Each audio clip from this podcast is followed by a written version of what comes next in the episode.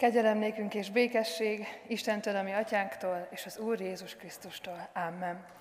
Foglaljuk el a helyünket, és énekeljük a 372. dicséretünket.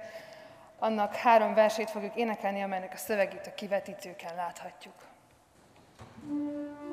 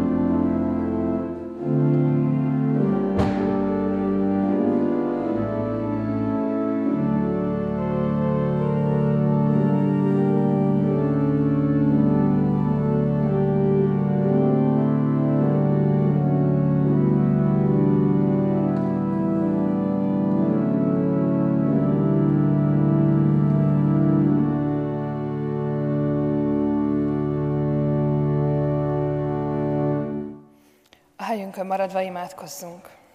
Drága mennyei atyánk, Te vagy a lelkek ismerője, Te magad vagy a Szentlélek Isten. Te magad vagy, aki a mi lelkünk legmélyére látsz, és látod a nagy kérdéseinket, a nagy kétségeinket, a nagy örömeinket és a nagy szomorúságainkat is. Azért könyörgünk hozzád az énekben és az imádságban is, hogy a Te szent lelkeddel találkozva, hadd nyílhasson meg számunkra a Te ígéd, hadd érthessük meg a Te üzenetedet, sőt, ne csak értsük azt, hanem valóban a szívünkbe is fogadhassuk, hogy az életünk legmélyét formálhassa az át, hogy változást hozhasson, hogy valamit belül átrendezhessen, hogy valami új születhessen, hogy valami új kezdődhessen. Köszönjük azt, hogy Te üzenettel készülsz számunkra. Hálát adunk a Te ajándékaidért, a Te útmutatásodért, a Te kérdéseidért. Könyörgünk, hogy így legyél ma is közöttünk. Amen. Isten igét a római levélből olvasom, annak a 16. fejezetéből, és a 25-től a 27. versig a levél záró verseit. Akinek van hatalma arra, hogy megerősítsen titeket az én evangéliumom és Jézus Krisztusról szóló üzenet szerint, ama titok kinyilatkoztatása folytán, amely örök időkön át kimondatlan maradt, de most nyilvánvalóvá lett, és az örök Isten rendelkezése szerint a proféták írásai által tudtul adatott minden népnek, hogy eljussanak a hit engedelmességére. Az egyedül bölcs Isteni a dicsőség, a Jézus Krisztus által, örökkön, örökké. Amen. Kedves testvérek, ezen a mai vasárnapon egyfajta búcsúban vagyunk, egyfajta tovább lépésben, összegzésben, újrakezdésben. Ugyanúgy, ahogyan Pál apostol is ebben a pár versben, ebben van, hiszen egy levelet zár le ezekkel a szavakkal.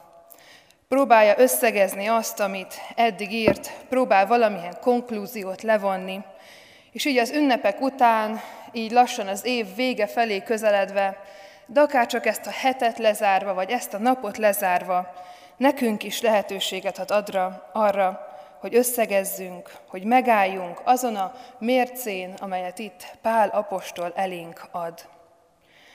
Pál apostol valamilyen hatalmas titokról beszél. Egy olyan titokról, ami, ami nagyon sokáig rejtve volt ez ember előtt. Egy olyan titokról, amit az ember keres és próbálja megtalálni, megízlelni, megérteni, a szívével látni, a lelkébe zárni.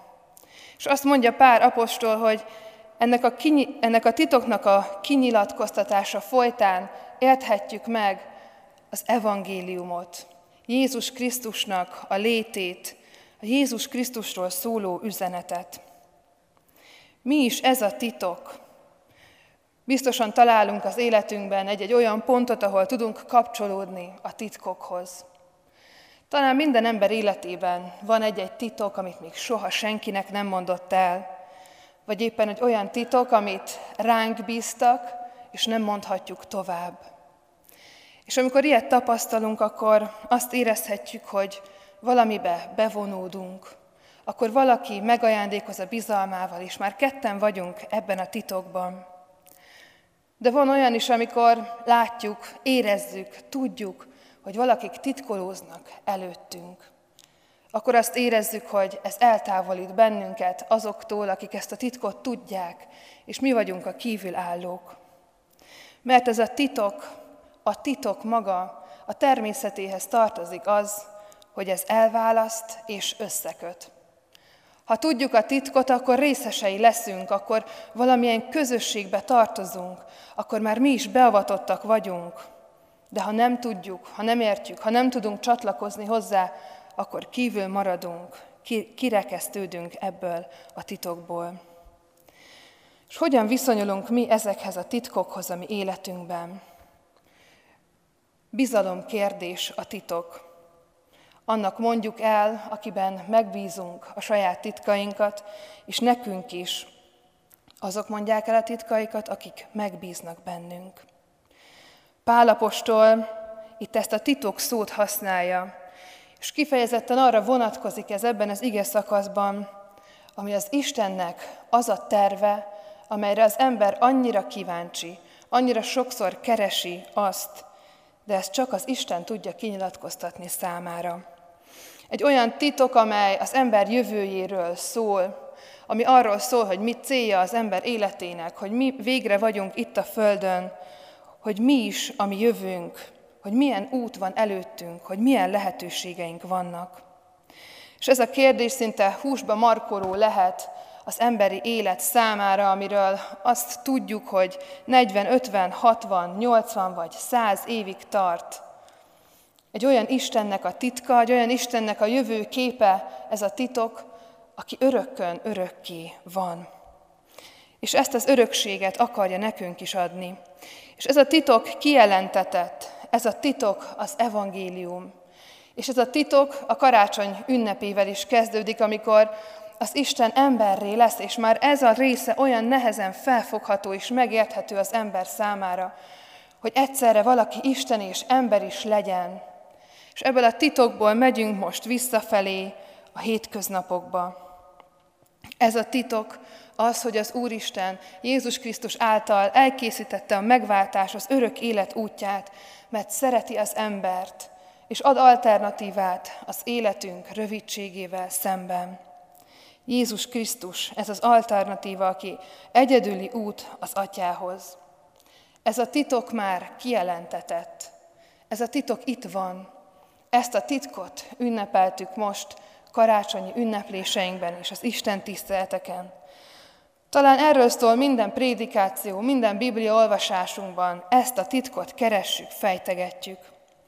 És amikor elkezdjük megérteni, hogy mi is ez igazából, akkor az teljesen más megvilágításba helyezi az egész életünket, és mindenről alkotott képünket.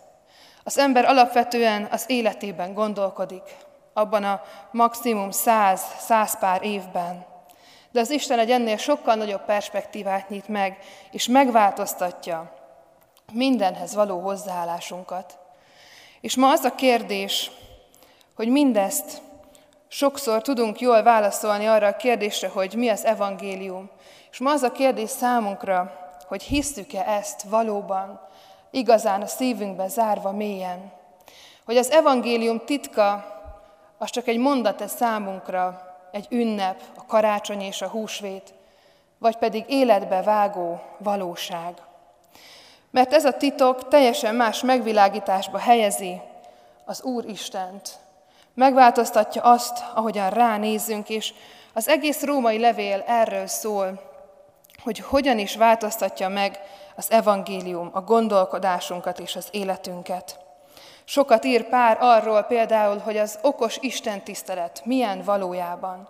És azt mondja a 12. fejezetben, hogy okos Isten tiszteletként szálljátok oda magatokat teljesen, élő, szent és Istennek tetsző áldozatul. Az evangélium ilyen megvilágításba helyezi az Isten tiszteleteinket. És nem teszi azokba a keretekbe, amikben mi oly sokszor, hogy egy vasárnap a templomban ülve zajlik az Isten tisztelet. Ennél sokkal többet kínál, és sokkal többet mutat meg az evangélium.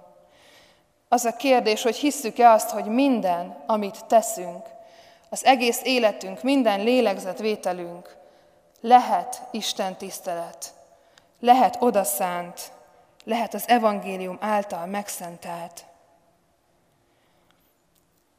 És az evangélium nem csak az Istenhez való viszonyunkat változtatja meg, hanem a másokhoz való viszonyunkat is, a kapcsolatainkat. Pálapostól észreveszi azt a római gyülekezetben, hogy mennyi széthúzás van, hogy mennyi minden dolog mentén próbálják az emberek egymást porba tiporni. Legyen ez a teljesítmény, a származás, a tudás, a nyelvi különbségek.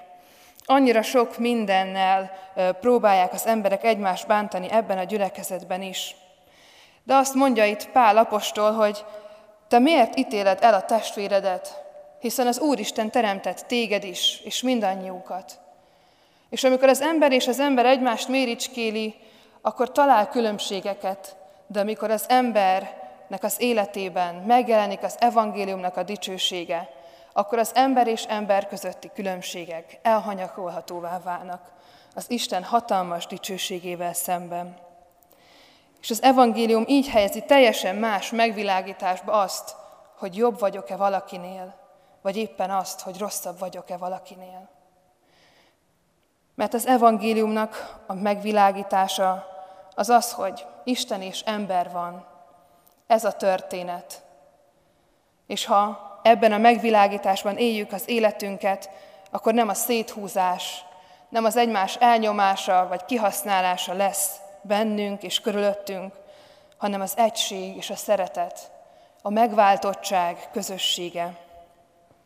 És ezzel kapcsolatban is az a kérdés, hogy persze tudjuk ezt, és el tudjuk mondani, de hisszük-e valóban, és engedelmeskedünk-e ennek a tudásunknak?